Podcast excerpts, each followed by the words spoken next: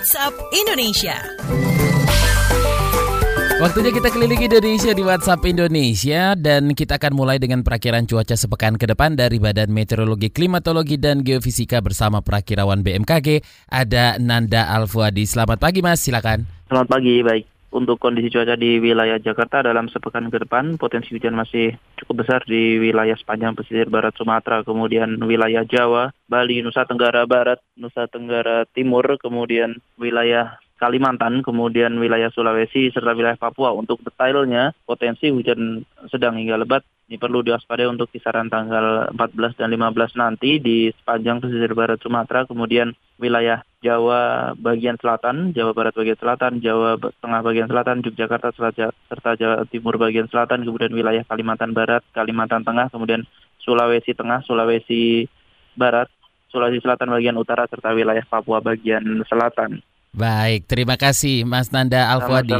Selamat bertugas kembali. Selanjutnya kita menuju Cirebon, Jawa Barat. Pemerintah Kota Cirebon akan pakai konsep pasar tematik untuk revitalisasi pasar tradisional. Kita simak kontributor KBR ada Frans Mokalu. Selamat pagi. Selamat pagi. Pemerintah Kota Cirebon melalui perusahaan daerah pasar akan melakukan revitalisasi pasar tradisional. Salah satu yang kini tengah digodok adalah pasar tematik. Menurut rencana, PD Pasar Kota Cirebon tidak akan mencari lokasi baru untuk mendirikan pasar tematik, namun memanfaatkan bangunan eks Pasar Lama Kali Tanjung di Kecamatan Harjamukti. Pasar tematik sendiri akan menjadi tempat khusus menjual komoditas tertentu, tidak seperti pasar tradisional pada umumnya yang menjual beragam komoditas. Direktur Utama PD Pasar Kota Cirebon, Ahyadi mengatakan, pasar tematik akan ditata sedemikian rupa sehingga jauh dari kesan kumuh dan semrawut. Ia menjelaskan, pasar tematik yang akan digagas contohnya adalah pasar yang khusus menjual buah-buahan saja, tidak menjual komoditas lain seperti pakaian, peralatan rumah tangga, sembako, dan lainnya.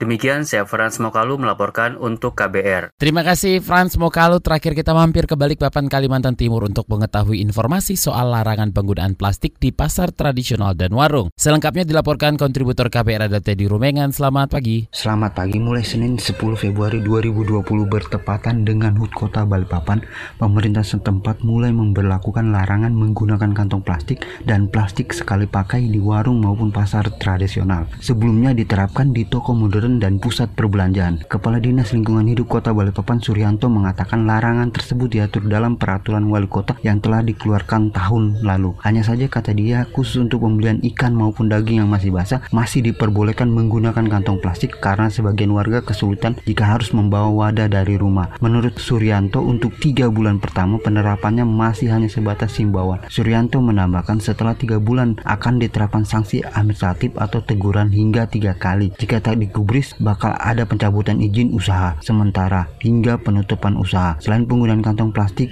dan plastik sekali pakai, larangan penggunaan sedotan plastik maupun styrofoam yang merupakan kemasan makanan sekali pakai juga dilarang di kawasan objek wisata. Demikian saya Teddy Rumengan melaporkan untuk KBR. Terima kasih Teddy Rumengan.